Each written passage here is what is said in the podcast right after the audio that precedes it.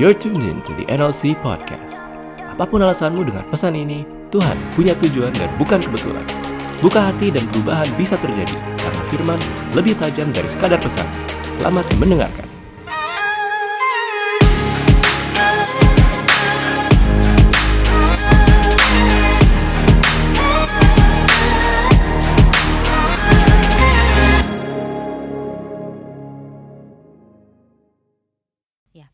Perkenalkan nama saya Widiawati Gunawan, sebetulnya dan biasa dipanggil Widya.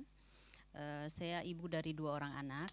Anak saya sudah menginjak eh, 20 dan 22 tahun sekarang ini. Jadi ya eh, cukup lama sih saya eh, berkutat dengan masalah anak-anak dan sekarang juga eh, oh ya saya konselor di Life Spring. Hmm, Life Spring adalah lembaga konseling dan kami melayani dari anak-anak sampai eh, orang tua seperti itu ya. Eh, baik, saya mengambil master di counseling. Jadi kami mempelajari mengenai family, parenting, anak-anak. Dan memang masalah biasanya adalah dalam parenting kita sih. Kita eh, man- kita hidup dalam dunia timur dan kebiasaannya biasanya mirip-mirip tuh parentingnya gitu ya.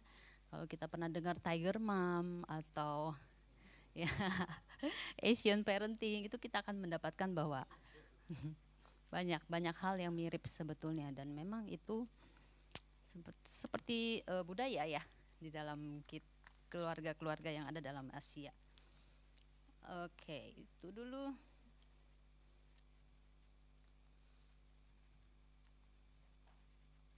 Eh, oh.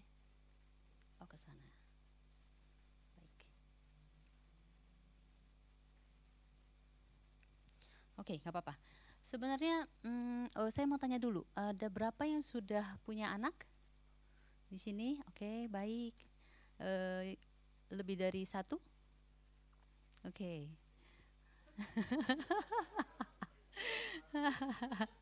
di bawah dua tahun anaknya? Di bawah dua tahun ada juga. Yang dua mungkin dua atau tiga bu? Dua ya. Yang satu lagi di bawah lima tahun berarti ya. Oke, baik. Saya senang sekali dengan tadi Merik mengatakan bahwa mereka berdiskusi untuk eh, memikirkan, mempersiapkan para para orang- orang-orang muda ini untuk eh, belajar gitu tentang parenting. Ini jarang banget ya. Memang biasanya parenting tuh orang-orang akan mulai di SD gitu ya atau di SMP gitu baru pada mulai ya udah deh ikut seminar deh, ya udah deh ngadain seminar gitu. Eh, ini baik sekali ya. eh, komunitas ini sangat baik ya dan bersyukur sih bisa ada dalam komunitas seperti ini. Wow. Berharap banyak komunitas juga bisa mempersiapkan an- anak-anak mudanya. Tantangan apa sih kita dalam membesarkan anak kita? Kalau yang sekarang nih, takut apa sih? Misalnya, ibu yang punya dua anak, takut apa nih sekarang? Namanya siapa bu? Sorry. Felicia, Bu Felicia. Apa sih ketakutannya ketika sekarang membesarkan anak gitu?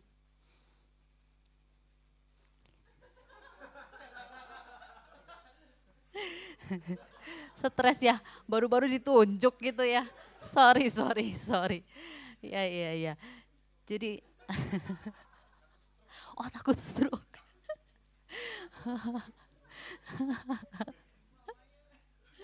Oke. Sebenarnya tantangan terbesar mungkin sekarang ini adalah eh, sesuatu yang tidak kita ketahui secara pasti nantinya apa sih. Karena sesuatu yang tidak tahu itu kan membuat kita eh, cemas ya gitu. Juga waktu saya anak-anak saya kecil handphone belum ada tuh, jadul banget ya. Jadi anak-anak tuh baru ada handphone ketika mereka eh handphone baru mulai berkembang ketika mereka mulai SD dan saya juga baru pegang gitu. Jadi waktu itu pun saya nggak kepikiran gitu ya bahwa handphone tuh akan berkembang sangat pesat dan juga memberikan dampak-dampak gitu baik positif maupun negatif buat anak-anak zaman sekarang ya buat kita semualah zaman sekarang ini. Itu termasuk sesuatu yang unknown yang kita nggak tahu sih gitu. Terus sosial media mungkin kita juga khawatir mungkin anak-anak nanti pergaulannya salah nggak ya? Atau kita juga takut khawatir kalau anak-anak membuat keputusan yang keliru mungkin pada masa mm, mereka besar. Atau juga kita khawatir anak-anak sukses nggak ya nanti gitu misalnya. Jadi banyak hal yang kita khawatiran. Tantangan-tantangan yang perlu kita sadari juga adalah tantangan dalam diri sih. Saya mengajak kita untuk mencoba eh, berpikir sedikit mengenai pola asuh yang kita dapat. Gitu ya. Apakah ada kehangatan, apakah ada pujian atau ada malah caci maki mungkin atau diomelin gitu ya. Atau mungkin ada juga kayak sikap dingin dari orang tua mungkin ketika kita salah misalnya. Langsung kan kayak dimusuhin gitu. Jangan ngomong lu sama gue gitu ya. Jadi ada sikap-sikap seperti itu yang perlu kita aware. Kenapa sih perlu kita aware? Karena itu biasanya passing down ke anak-anak kita. Walau kita nggak suka sih, kita nggak suka banget itu. Tapi entah kenapa secara nggak sadar kita bisa passing down itu.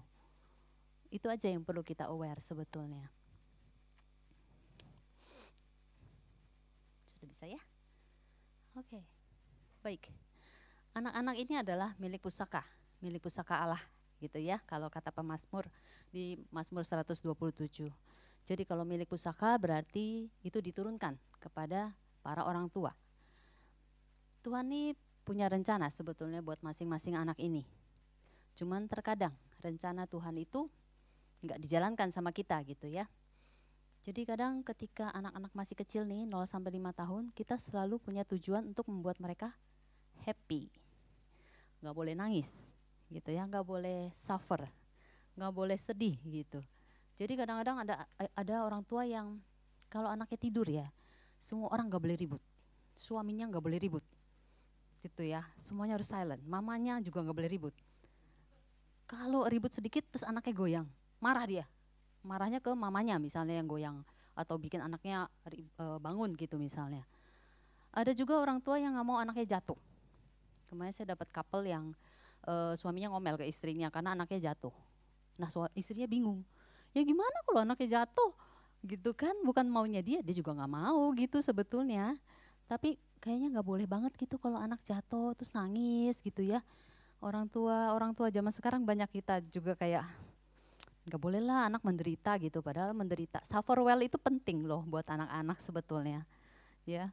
Jadi kebanyakan kita akan memproteksi memprotek anak-anak kita mungkin kita bisa pasangin balon kali di sekeliling tubuhnya gitu ya supaya jatuh tuh nggak kena gitu misalnya. Jadi atau kita protect sedemikian rupa supaya anak kita nggak jatuh.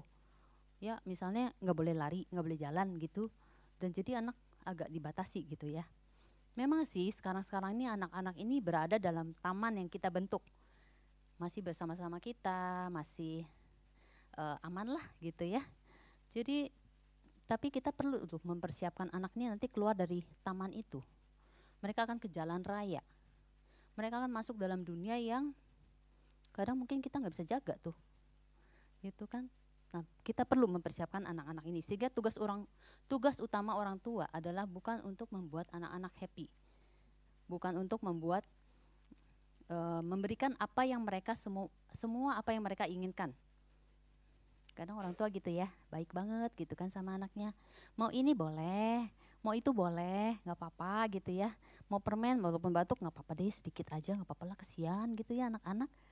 Jadi kadang-kadang hal itu juga membuat anak nggak belajar. Kalau kasih narkoba boleh nggak? Tapi keseringan kita memberikan apa yang mereka inginkan. Mereka tidak belajar untuk menunggu. Sehingga mereka selalu instant gratification instant gratification adalah mereka se tidak bisa menunggu apa yang mungkin mereka inginkan. Nggak bisa membedakan antara kebutuhan dengan keinginan mereka. Sehingga kalau sesudah besar mereka nggak mendapatkannya, mereka akan mencari secara instan melalui narkoba, minum minuman keras. Itu instan banget, itu instant gratification banget. Dan bahkan sekarang judi online ya. Saya sudah menemukan banyak sekali anak muda sekarang kena judi online kasihan sulit sulit untuk keluar daripada addiction seperti itu. So tugas utama orang tua adalah menolong anak-anak menghadapi masa depan mereka menjalani kehidupan mereka dengan meletakkan jangkar mereka kepada kasih Allah ya. Memahami panggilan mereka. Apa sih yang Tuhan mau kerjakan dari diri mereka? Mereka perlu paham. Kita yang sebagai orang tua perlu mempersiapkan mereka untuk menghadapi hal itu. Jadi orang tua ini ibarat ibarat busur sebetulnya di tangan pemanah.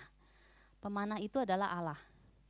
Allah sendiri pemanahnya dan anak panah itu adalah anak-anak kita.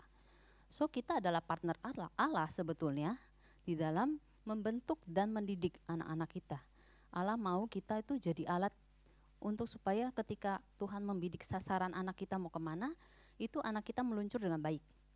Gitu. Kalau busurnya rusak, tentu anak panahnya nggak bisa mencapai sasaran Allah seperti itu. Sehingga fokus kita adalah pada agenda Allah, bukan pada agenda kita. Kadang kita sebagai manusia ya kita sinful nature ya, kita memang manusia yang cenderung jatuh dalam dosa. Seringkali kita ingin supaya our dream gitu ya, um, sesuatu yang dulu kita belum capai, kita mau anak kita capai gitu sekarang ini.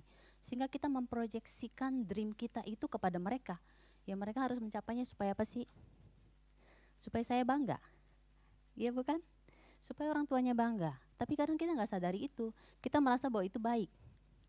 Saya ketemu satu anak yang dipaksa balet sama mamanya. Dia nggak suka banget. Tapi dia kan mau nggak mau nurut gitu ya. Tapi lama-lama udah gede deh gini ngomong sama maminya.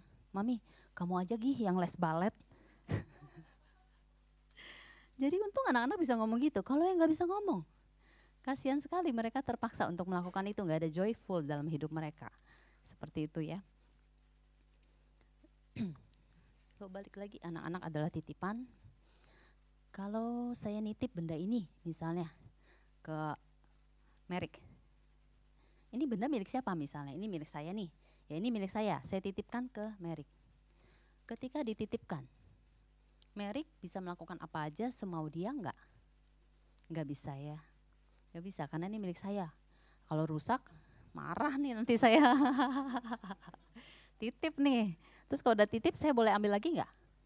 Boleh. Jadi anak Anda boleh diambil lagi nggak? Nggak bisa jawab kan? ya, anak, anak Anda, anak kita semua adalah titipan Allah.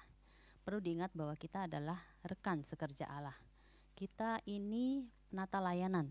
Jadi anak bukan milik kita, dia milik Tuhan. Tapi justru itu adalah anugerah. Kenapa anugerah? Karena Tuhan mempercayakan kita untuk mendidik anak-anak ini menuju masa depan mereka yang sesuai dengan kehendak Tuhan. Seperti itu. Baik, sehingga diharapkan dengan mendidik dengan baik sesuai kehendak Tuhan, anak-anak ini dapat menjadi anak-anak yang holy. Bukankah Tuhan meminta kita untuk hidup kudus? Apa sih hidup kudus? Maksudnya hidup kudus adalah kita dipisahkan. Dipisahkan dari dunia, karena kita bukan datang dari dunia ini. Sehingga kita mengikuti apa yang Tuhan ajarkan buat kita walaupun sekarang ini udah sulit ya zaman postmodern semuanya boleh sekarang semuanya boleh di luar negeri LGBT sudah boleh di Indonesia pun walaupun nggak boleh sudah banyak sekali sudah spreading sangat banyak dulu saya pikir itu enggak jauh lah jauh banget tapi sekarang sudah ada dalam lingkaran kenalan-kenalan saya mereka sudah mulai terbuka untuk uh, mengatakan bahwa mereka uh, memiliki seksual orientasi yang berbeda. Seperti itu. Ini tugas orang tua berat nih sekarang ini ya. Berbahagialah. Dan uh, kita juga mendidik mereka supaya mereka menjadi baik dan disiplin. Nanti kita belajar ya caranya gimana. Sehingga mereka juga bisa caring for others. Untuk mereka-mereka yang justru tidak layak mendapatkan perhatian, mereka bisa memperhatikan orang-orang seperti itu dan juga mereka diharapkan bisa mempunyai impact buat dunia nantinya dan juga mempunyai tujuan dalam hidup mereka. Itu penting banget buat anak-anak ini. Jadi concern kita yang terbesar adalah bagaimana membuat mereka itu tumbuh untuk menomorsatukan Tuhan, untuk mencintai Tuhan di atas segala-galanya. Di atas segala-galanya maksudnya di atas materi, di atas diri mereka sendiri karena kalau di atas materi dan diri mereka sendiri, mereka akan mengembangkan self esteem yang keliru, self esteem yang tidak sehat. Karena self esteem mereka diletakkan pada barang-barang misalnya bermerek, barang-barang yang uh, membuat mereka keren misalnya. Itu enggak works ya. Mereka harus punya self esteem di mana mereka tahu bahwa mereka berharga dan mulia di mata Allah. Itu yang penting buat anak-anak ini sekarang. So, sekarang kita mulai masuk. Apa sih yang mereka mereka sebetulnya kebutuhan mereka yang paling primer, paling mendasar? Sebetulnya apa sih? Kalau dirunut cuma dua sih kebutuhan mereka sebetulnya. Yang satu adalah significance. Significant itu mereka tuh merasa bahwa mereka itu penting. Bahwa mereka itu diterima, mereka itu cukup matter for you. Caranya kayak gini nih kalau ngomong sama anak, nggak sambil pegang handphone, gitu ya. Kadang kita WhatsApp sama teman, mama ini, ini, ini, ini, ini. ya, ya, anak tahu tuh. Lama-lama dia nggak mau cerita lagi. Anak-anak peka banget. Dan kemudian dia akan belajar dari kita. Besok kita ngomong sama dia, dia pegang handphone, gitu kan. Jadi susah kalau kita nggak memberikan contoh. Significance ini, ini dia merasa diri dia spesial So makanya nih ibu ngomong sama anaknya tatapan mata, bener-bener kasih full attention.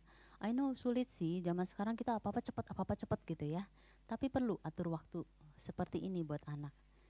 Ya, ini quality, quality times.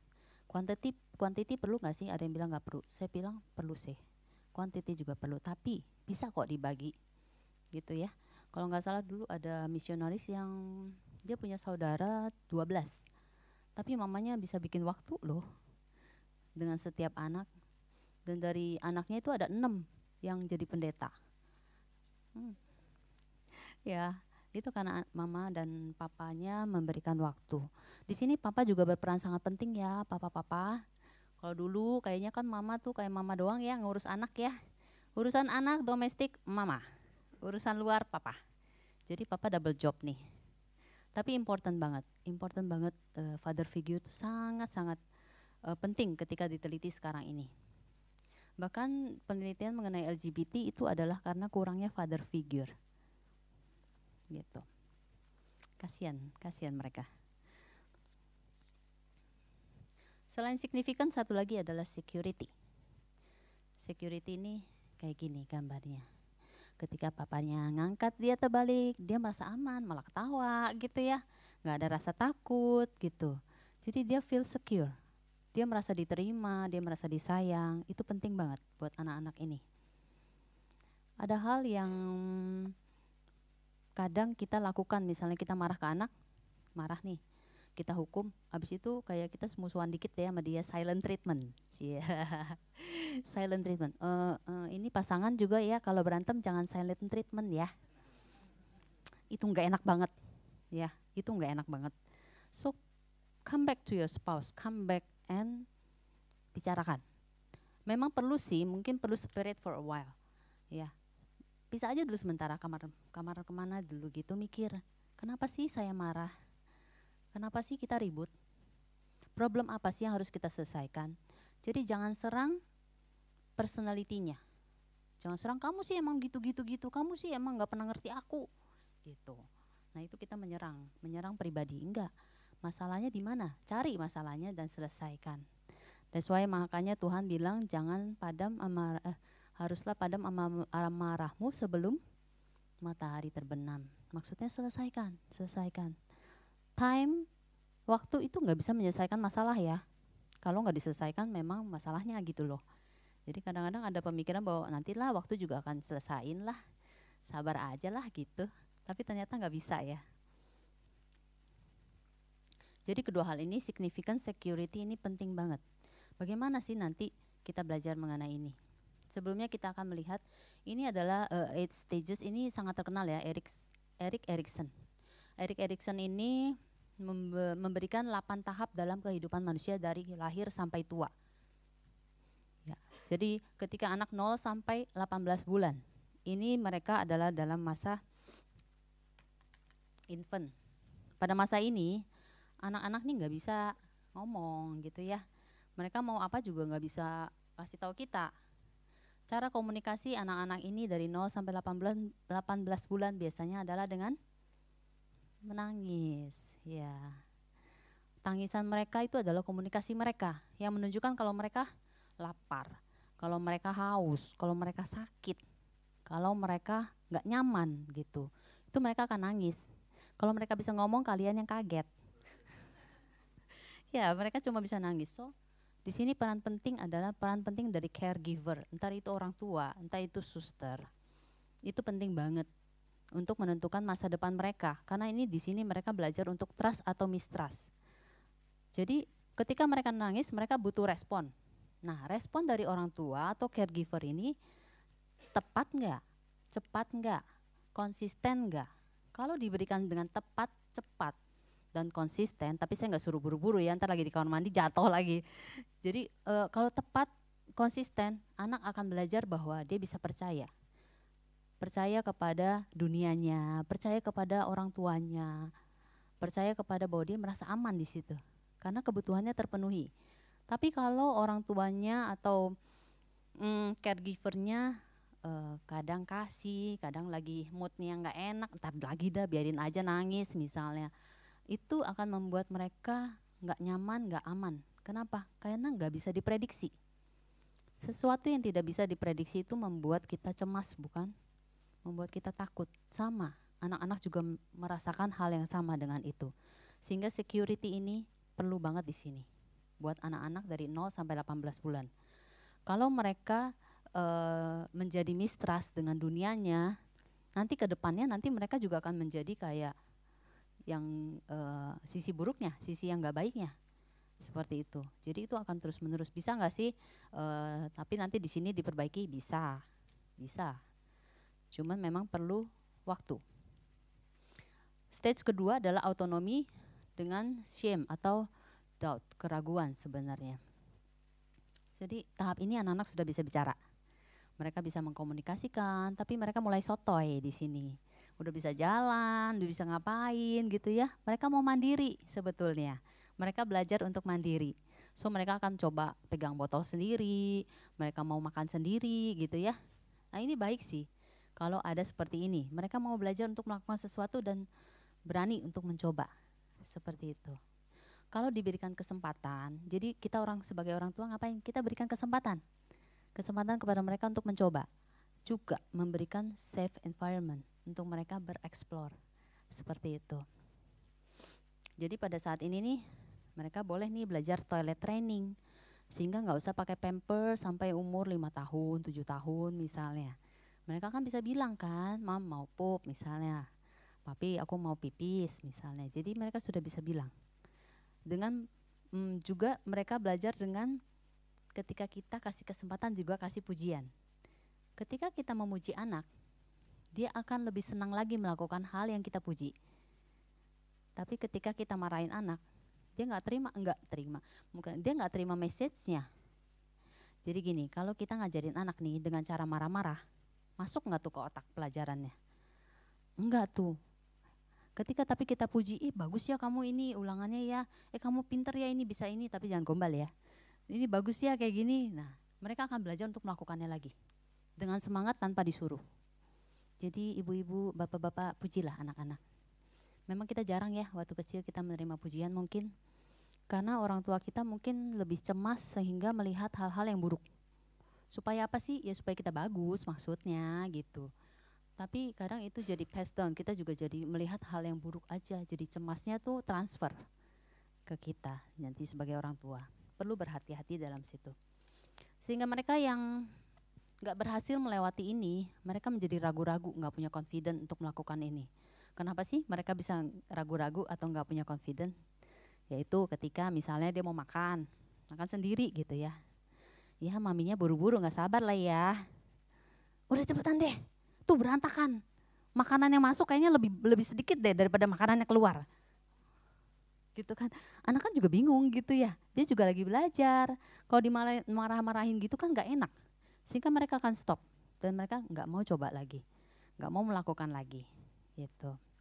Atau juga ada uh, orang tua yang sedikit-sedikit memarahi anak gitu ya. Mungkin karena cemas, mungkin karena banyak persoalan mereka pokoknya nggak out of the blue gitu nggak tahu apa pokoknya anak diomelin gitu nah itu juga membuat mereka jadi takut karena mereka belum bisa meregulasi emosi mereka anak-anak ini di bawah lima tahun belum bisa ngerti karena otak mereka kan masih berkembang gitu ya tahap ketiga tiga sampai lima tahun ini inisiatif dengan guilt jadi ketika mereka berusaha otonomi kemudian in, mereka mulai lagi inisiatif.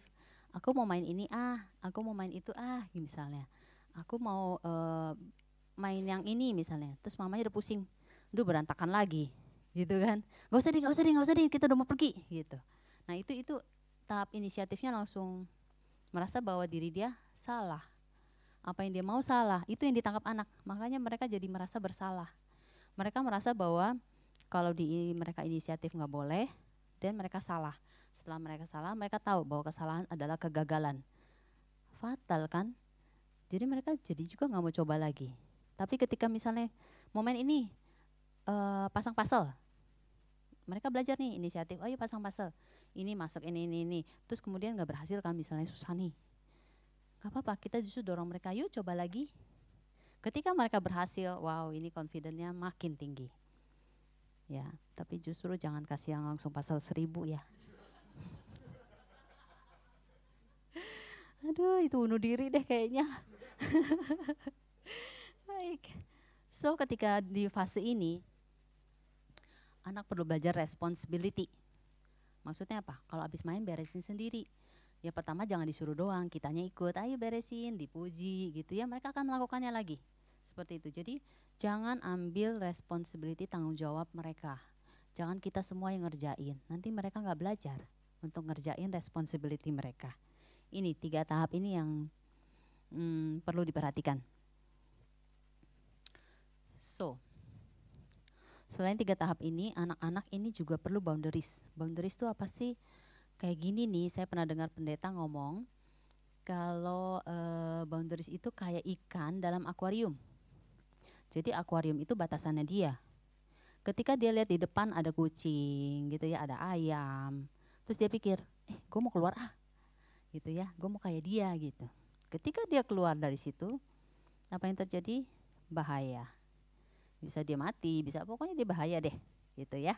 Jadi batasan itu penting gak sih? Penting, menghindari kita dari bahaya, menghindari anak-anak kita dari bahaya. Biasanya digambarkan dengan garis kuning, gitu ya. Jadi itu ada batasannya. Kalau anak orang tua yang ingin anak-anaknya selalu happy, biasanya batasannya nggak ada tuh. Apa aja boleh, gitu ya. Itu yang perlu diperhatikan. Kenapa sih kita perlu batasan? Tuhan aja udah kasih kita batasan sejak awal ya kan? Kejadian pertama dia udah kasih Adam dan Hawa, udah ciptain sorry Adam dan Hawa. Kejadian kedua dia udah kasih boundariesnya. Semua pohon yang ada dalam taman ini tidak eh, boleh kamu makan buahnya. Tapi pohon pengetahuan baik dan jahat tidak boleh kamu makan buahnya. Itu udah boundaries sebetulnya. Kenapa sih Tuhan kasih boundaries? Untuk keselamatan manusia bukan sebetulnya kalau manusia mau taat. Itu. Jadi kenapa penting banget boundaries ini? Bukan dari SD, Justru mulai dari kecil. Karena kenapa? Sejak kecil anak-anak ini lembut hatinya sebetulnya. Mereka ini polos banget. Dan mereka ini, anak-anak ini tumbuh dengan keinginan untuk di-accept so much ya sama orang tuanya gitu. Tapi jangan sampai kita manipulasi di situ. Jadi penting banget untuk uh, mereka belajar mengenai batasan-batasan. Tuhan bilang, Selain batasan itu, batasan Tuhan lainnya adalah kuduslah kamu sebab aku kudus. Dia bilang sebelum engkau keluar dari kandungan, aku telah menguduskan kamu. Kudus yang tadi seperti bilang, jadi ada batasan kalau kudus itu maksudnya. Dipisahkan, ada batasannya. Jadi kenapa sih nggak boleh mencuri? Kenapa sih nggak boleh pacaran gitu ya? Terus dia bilang, hmm, papa aja pacaran dari SD. Masa aku nggak boleh gitu ya? ya kalau udah besaran pacaran dari SD berhasil itu anugerah sih menurut saya gitu ya. Jadi memang hmm, perlu batasan. Kenapa sih nggak boleh pulang malam? Kalau pulang malam batasannya jam berapa? Jangan kita nggak kasih kita nggak set rules tahu-tahu dia pulang malam kita marah. Itu anak bingung gitu ya. Ketika mereka SMP mungkin udah ada ulang tahun dan malam SMA mungkin. Dari SD sudah dikasih tahu misalnya kalau mami nggak mau nih kalau pulang malam jam segini gitu. Tapi disertai alasannya kenapa? Karena mami khawatir something happen kayak gitu-gitu. Jangan pokoknya nggak boleh, pokoknya nggak boleh. Jadi nggak ada alasannya. Emang sih 0 sampai 5 tahun belum, cuman ini untuk nantinya.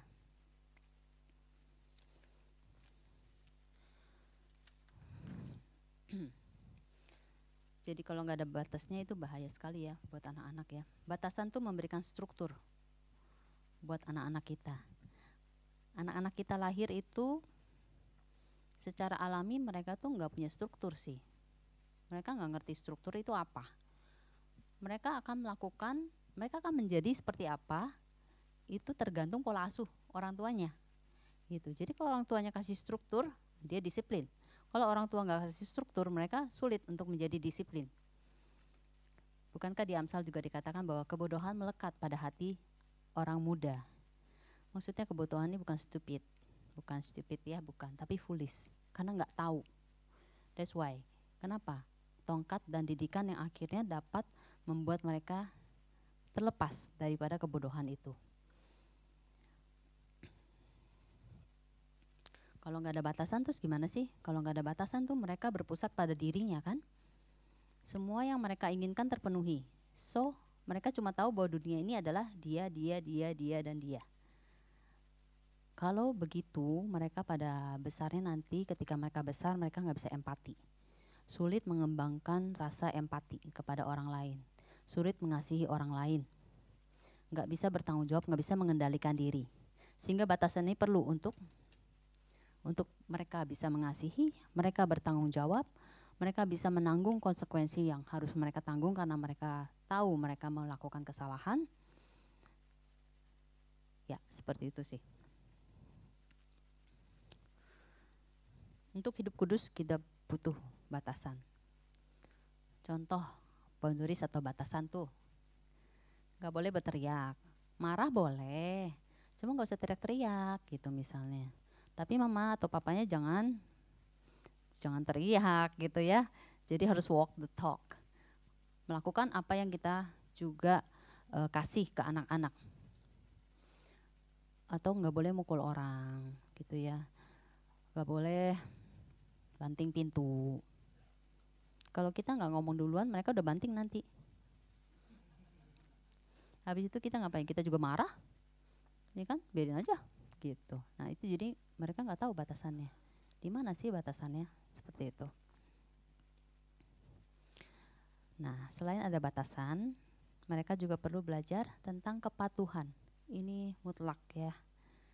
Ini ordo yang Tuhan kasih kita. Kecil banget ya? Enggak ya? Oke. Okay. Maksudnya ini adalah otoritas Tuhan kepada parent, parent kepada anak. ketahuilah bahwa Tuhan tuh maunya kita membuat anak-anak kita patuh kepada kita, juga nantinya patuh kepada Tuhan ketika mereka besar. Ordonya jangan dibalik, jangan dari anak kita patuh kepada anak, ya kan? Nah udah susah deh jadinya mau ke atasnya juga susah, gitu. Kita patuh kepada anak apa sih maksudnya? Ya kalau anak-anak mau apa-apa ya boleh ikut gitu ya. Anak mau makan McD terus gak apa-apa ikut gitu. Nah itu sulit tuh.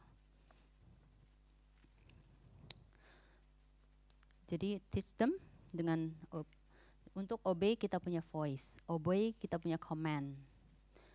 Dengan apa sih? Dengan konsekuensi juga, tapi juga dengan reward gitu ya. Komen kita juga komen di bawah Kristus. Jadi ordonya jangan dibalik-balik. Sebetulnya dari God ke manusia, Tuhan ke manusia, manusia ke alam. Jangan dibalik. Kejatuhan Hawa itu dibalik. Alam ular, apel itu menguasai manusia. Sehingga manusia ingin seperti Tuhan. Jadi kalau udah dibalik udah kacau jadinya. Dan karena kejatuhan manusia dalam dosa sering kali ini memang berbalik-balik. Perlu di aware aja tentang hal itu. Tadi kita bilang dengan uh, boundaries juga ada konsekuensinya. Oke. Okay. Ini ya maksudnya ayat-ayat yang Tuhan bilang bahwa anak-anak harus patuh pada orang tua. Jadi ya kita harus buat anak-anak patuh kepada suara kita gitu ya. Oke. Ini saya akan kasih tahu fase-fase anak-anak. 0 sampai 5 tahun. Telling. Pada masa ini, gak usah khotbah panjang-panjang. Anak-anak nggak ngerti, ya. Otaknya belum nyambung. Dia cuma bisa hal-hal yang pendek-pendek, nggak usah terlalu banyak. Pakai misalnya dia berantem nih sama temen, pukul temen. Terus kita bilang, kemarin mama bilang apa? Ayatnya apa? Lupa ya sama ayatnya pusing deh kalau kayak gitu ya. Jadi nggak usah, nggak usah, jangan kasih banyak pilihan. Terus jangan tanya, mau makan enggak? Kalau dia nggak suka makan, dia bilang enggak. Terus kenapa? Jadi jangan tanya kayak gitu, jangan tanya pertanyaan yang menjebak kita. ya kamu harus makan. Udah, titik. Kamu harus makan. Jadi kasih clear warning. Terus kita lihat bahwa ketika telling itu uh, orang tuanya jongkok ya, sesuai dengan tinggi anak. Jangan kita ngomong kayak gini nih. Nggak baik. Kayak gitu baik banget. Jongkok. Sesuaikan dengan tinggi anak. Tatapan mata, itu yang kita cari, kontak mata. Dengan kontak mata kita clear instruction, mereka ngerti. Mereka tahu. Itu lebih mudah buat kita sebetulnya. Dan itu membangun relationship. Nggak kayak aku, papa, uh, aku mama kamu dan kamu di bawah aku. Itu nggak membuat mereka signifikan. Itu. Just tanya kalau pukul orang, tadi mama bilang apa? Mama bilang apa tentang pukul orang? Tadi bilang, enggak tadi dia duluan, dia gini gini dia nakal gini gini gini gini. Ya, sinful nature ya, selalu mencari kesalahan orang. Tetap kita bilang, mama bilang apa tentang pukul? Nanti baru dia bilang nggak boleh nggak boleh pukul. Jadi dia dapat batasannya apa sih gitu. Kalau kita marah-marah gini gini gini gini, kamu tuh ya cepat minta maaf. Nggak ngerti anak. Kalau dia nggak boleh mukul, cuman ya udah minta maaf, sorry, udah, gitu kan. Besok dia bisa mukul lagi. Jadi tanya apa sih perintah mama tuh apa? Nah, ketika dia mengetahui itu, itu lebih mudah buat dia untuk belajar. Tahap kedua 6 sampai 11 tahun teaching. Mereka sudah bisa baca nih di sini. Jadi ajak mereka untuk diajarin, diajarin bareng-bareng apa yang nggak boleh, mereka bisa baca. Dengan begitu ada interaksi antara keluarga, gitu ya. Yang ketiga, participating. Ini udah lumayan besar, 12 sampai 18 tahun. Ajak mereka berpartisipasi dalam berbagai kegiatan. Makanya masuk ke remaja atau apa gitu, itu penting di masa-masa seperti ini participating ini saya ingat ketika dulu mama saya, mama saya tuh pintar masak ya. Terus dia waktu kita kecil tuh dia belajar bikin kue, belajar bikin roti. Uh, rotinya enak, bukan promosi nggak jualan. Jadi memang dia bikin roti enak. Tapi ketika saya SMP saya mau ikutan belajar, kan biasa dong iseng dong ya, ikut dong ikut. Nggak boleh. Nanti malah rusak, nanti malah nggak jadi. Ya udah, jadi kita makan aja sampai sekarang saya nggak bisa bikin roti.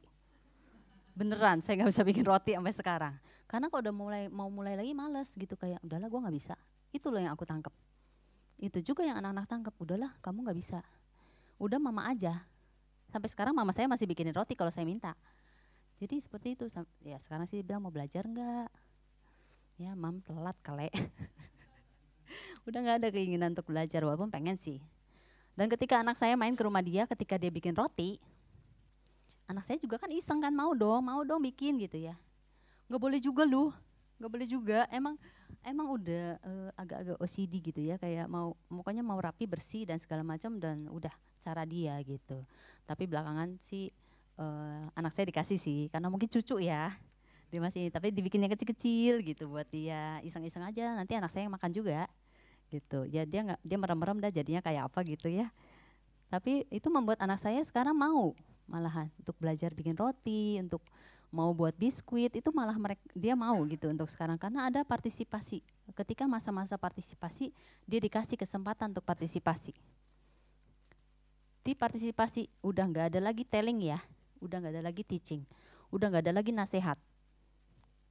Nggak nggak works di sini kalau di participating. Yang ada diskusi. Diskusi dengan anak-anak penting pada masa ini. Otak mereka sudah mulai berkembang. Setelah masa ini, delegasi. Kalau kayak gini, estafet, udah. Nggak ada lagi kan? Diikutin dia lari mau ke mana juga? Dia lari sendiri. Nanti pada masa ini mereka sudah mulai mandiri sudah bisa berlari sendiri udah nggak bisa nggak bisa kita kontrol kontrol lagi ini empat tahap yang e, berlaku ketika anak kecil sampai dewasa awal. Konsekuensi ya, anak-anak sejak umur satu tahun tuh mampu memahami akibat dari tindakan-tindakan mereka. Yang umur 1 sampai 2 tahun, walaupun dia nggak ngerti ya secara logika apa kata-kata kita, tapi mereka tuh tahu, misalnya kalau patuh pada larangan Anda itu kebaikan buat mereka. Kalau nggak patuh pada larangan Anda itu adalah ketidaknyamanan. Itu yang mereka pelajari.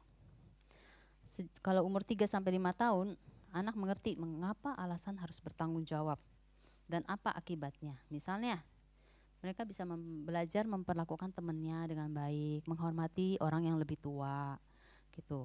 Jadi konsekuensinya juga disesuaikan. Konsekuensi itu uh, kita hanya mengambil hak-hak mereka ya, bukannya kita menghukum mereka dengan menimbulkan rasa guilty, menimbulkan rasa malu gitu. Jangan ya, just ambil aja hak-hak mereka. Misalnya, kamu hari ini kan jatahnya main handphone dua jam. Ya udah hari ini kamu nggak dapet. Gitu. Jadi kenapa? Kalau ditanya kenapa? Oh kenapa tadi? Karena kamu nggak patuh sama mama. Gak patuhnya di mana? Nah mereka udah ngerti tuh. Kayak gitu. E, perlu konsisten dalam memberikan hukuman, jangan mut-mutan. Kalau mood kita baik, ya udahlah nggak apa-apa ya. Maha pengampun, maha penyayang. Kalau kita lagi moodnya jelek, wah pokoknya enggak gitu. Jadi konsisten aja. Kalau ini ya ini hukumannya. Terus kita enggak kayak musuhin dia gitu. Habis hukuman selesai, terus kita juga makannya kan rasain lu sih kamu sih nggak mau ikutin mama gitu kan. Dihukum deh. Nah, itu membangkitkan rasa malu. Anak nggak belajar untuk itu. Jadi biarin aja dan abis itu ya main lagi. Ya udah kamu nggak bisa main handphone. Ayo main yang lain sama mama bisa sama papa. Kamu mau main apa? Gitu. Tapi anak belajar kok. Bahwa mereka oh iya tadi karena aku gini. Kayak seperti itu empat parenting style yang biasa kita punya yang biasa ada di uh, uh, orang-orang memperlakukan ini yang authoritarian yang kita biasa Asian parents authoritarian ya. Yang uninvolved itu kita mulai dari uninvolved aja. Jadi uninvolved itu love-nya nggak ada, kontrolnya juga nggak ada. Kacau ya. Jadi anak dibiarkan tumbuh sendiri. Ini kacau banget. Kenapa sih bisa ada kayak gini? Biasanya orang tuanya misalnya kecanduan minum, alkoholik. Itu biasanya bisa neglect. Nggak memperhatikan anak karena atau dalam masa-masa divorce. Itu mereka sudah banyak pusing sendiri sehingga nggak bisa gitu. Satu hal lagi mungkin bagi kita yang terlalu aktif di gereja, gitu ya. Jadi lupa sama keluarga kadang-kadang ke pelayanan lebih penting misalnya. Bukan maksudnya nggak boleh pelayanan ya, aduh nanti saya diomelin sama Pak Merik. Pelayanan boleh, tapi tetap kita perlu bagi waktu, gitu ya, dengan anak terutama. Uh, kalau udah punya anak juga pasangan jangan dilupakan sih. Ayo kemarin Valentinean enggak? Yang udah punya anak. Jadi memang perlu membangun uh, waktu dengan pasangan, membangun waktu, memberikan waktu untuk anak. Sorry. Permisif, permisif itu yang tadi yang saya bilang yang nggak ada nggak ada batas, nggak ada batasan, nggak ada kontrol, tapi love-nya banyak banget. Nah ini nggak baik nggak baik juga. Kenapa? Karena love love-nya melebihi jadi nggak ada kontrol. So ketika nggak ada kontrol anak semaunya dia juga. So di sini yang anak akan kontrol orang tua di permisif ini. Mau pulang jam 10? Boleh. Mam, belum selesai, jam 11 ya? Iya udah. Mam, ulang tahunnya tiup lilin jam 12. Gimana dong, gitu kan? Gak bisa. Kadang emang sih kita nggak boleh juga terlalu strict perlu fleksibel, but dilihat. Ketika kita fleksibel atau ketika terlalu permisif, anak akan memanipulasi. Bukan maksud mereka untuk manipulasi kita, bukan. Jangan berasumsi seperti itu. Tapi itu adalah kebiasaan dari mereka cara mereka berpikir. Kalau begini boleh kan, besok aku begini lagi. Jadi memang itu yang kemudian mereka praktekkan. Jadi jangan berasumsi anak tidak menghargai kita ya. Anak tetap menyayangi kita. Di permisif ini kebebasan anak banyak. Prinsipnya kalau di sini kita perlu kasih tahu dia bahwa bukan dia yang bisa ngambil keputusan. Semua keputusan nggak bisa dia yang ngambil. Dia punya hak istimewa, yes, tapi dia juga punya kontrol. Maksudnya dia harus kontrol diri dia, gitu. Kalau di authoritarian, authoritarian ini dikenal dengan Nazi parent Dan penelitian memang menemukan bahwa orang-orang Nazi dulu juga melakukan parenting seperti ini. Sehingga mereka jadi tidak punya empati, tidak berperasaan, nurut aja. Nurut kepada atasan. Nurutnya nurut Paul. Kalau otoritarian nih anak-anaknya nurut banget. Tapi nurutnya bukan dengan kasih. Udah gede mereka rebel. Udah mere gede mereka agresif. Mereka bisa marah sama orang tuanya.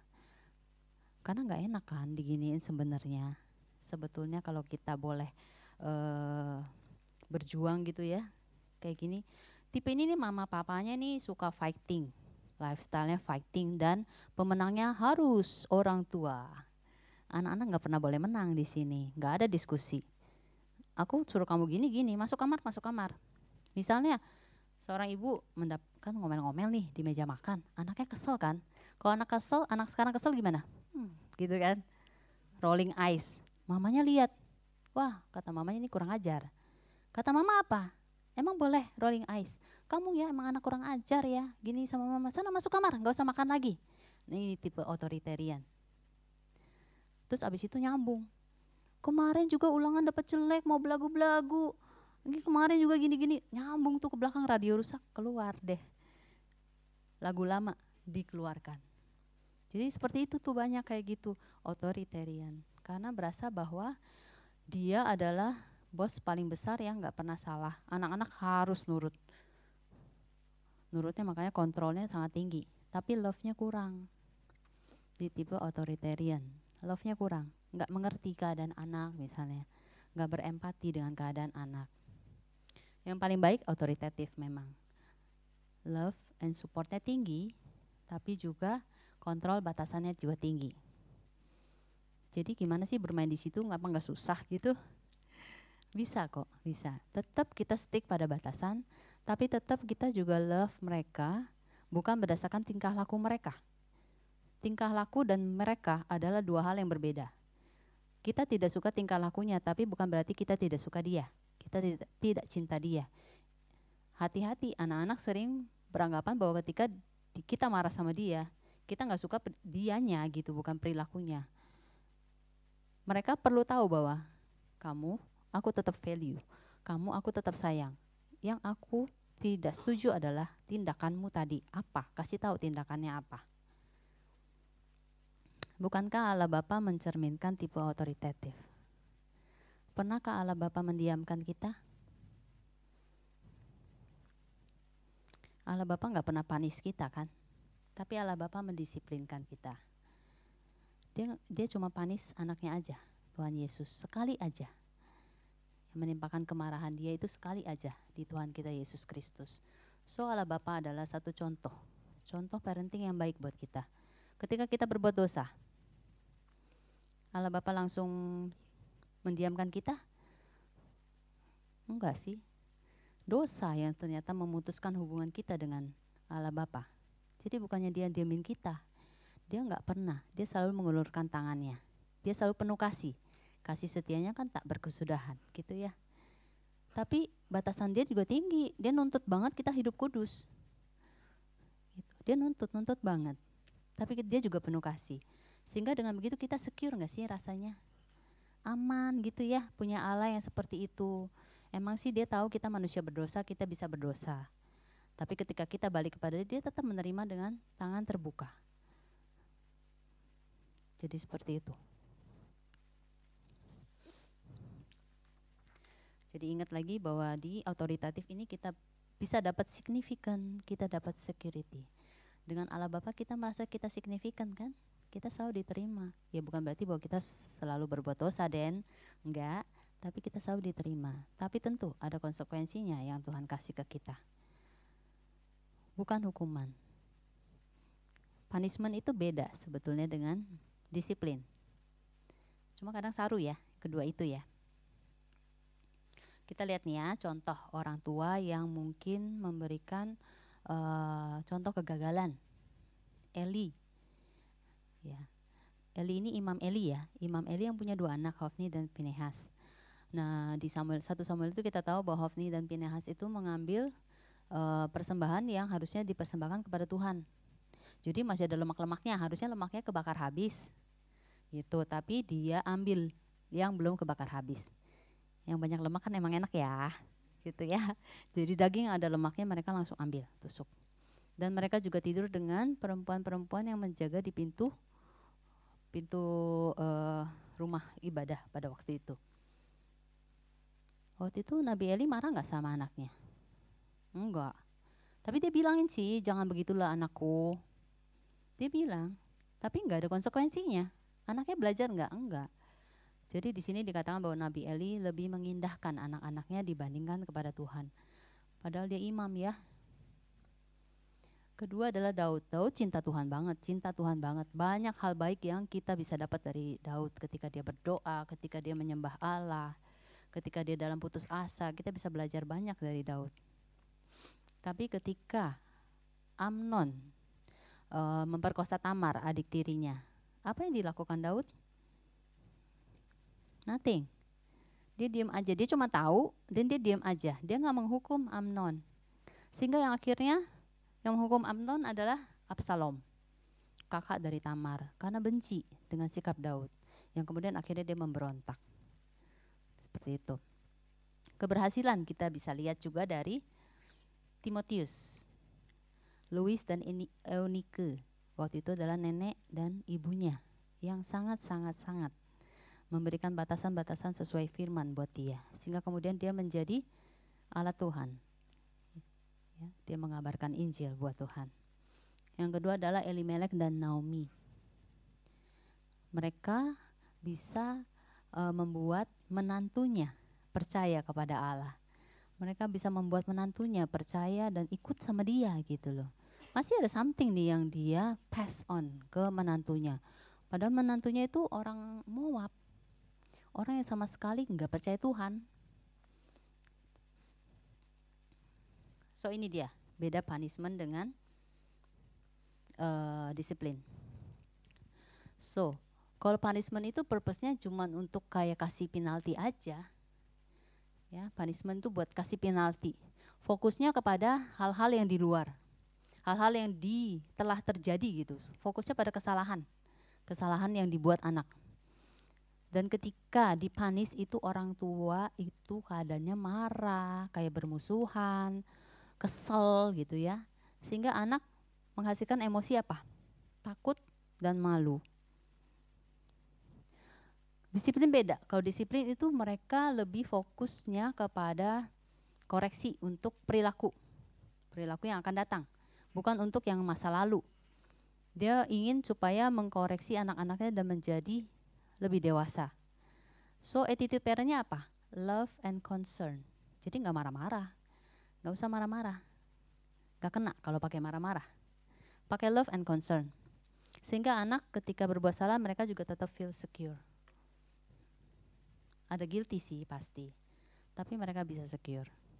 Kenapa sih jangan pakai marah-marah? Kalau marah-marah kita yang capek bukan? Enggak kena. Kalau marah-marah, ayo ingat nggak kalau papa kita marah-marah. Kalau papa marah biasanya kata-katanya menusuk ya. Dan itu kadang-kadang, kadang-kadang dan mama juga ada sih.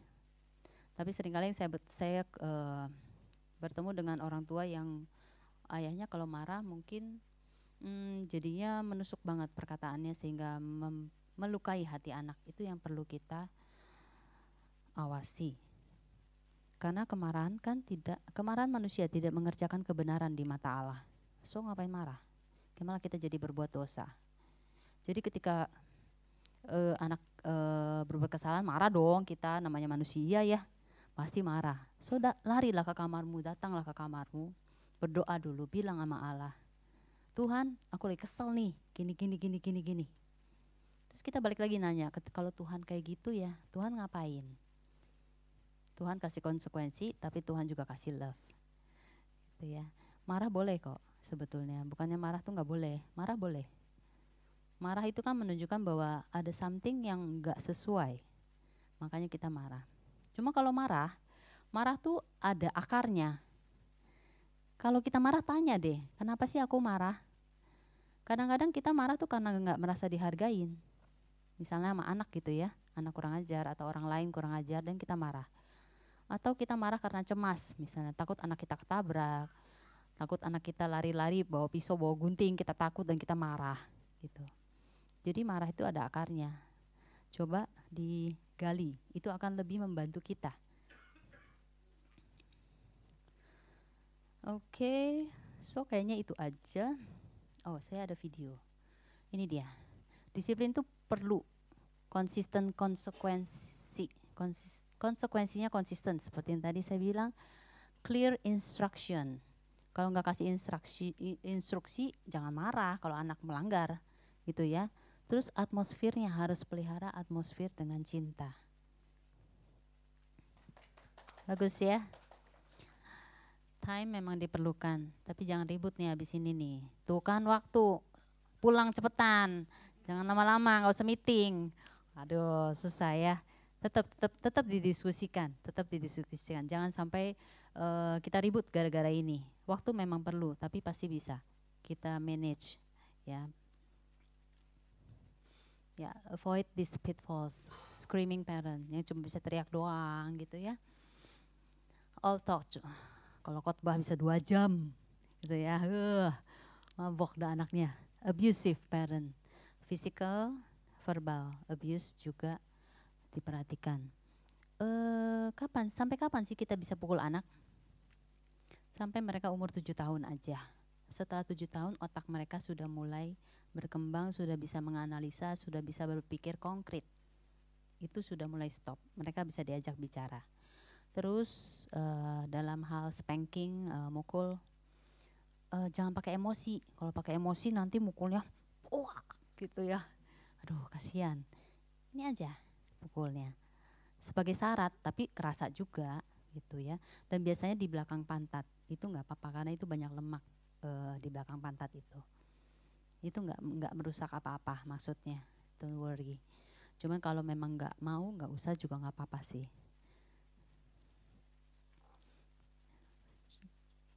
hmm, light bulb parent ini mati nyala mati nyala inconsistent jangan jadi inconsistent perlu konsisten oke okay, ini dia. Anak-anak itu adalah fearfully and wonderfully made. So mereka kalian-kalian yang sudah punya anak anugerah enjoy enjoy aja bener. Kalau enggak itu waktu akan cepat berlalu.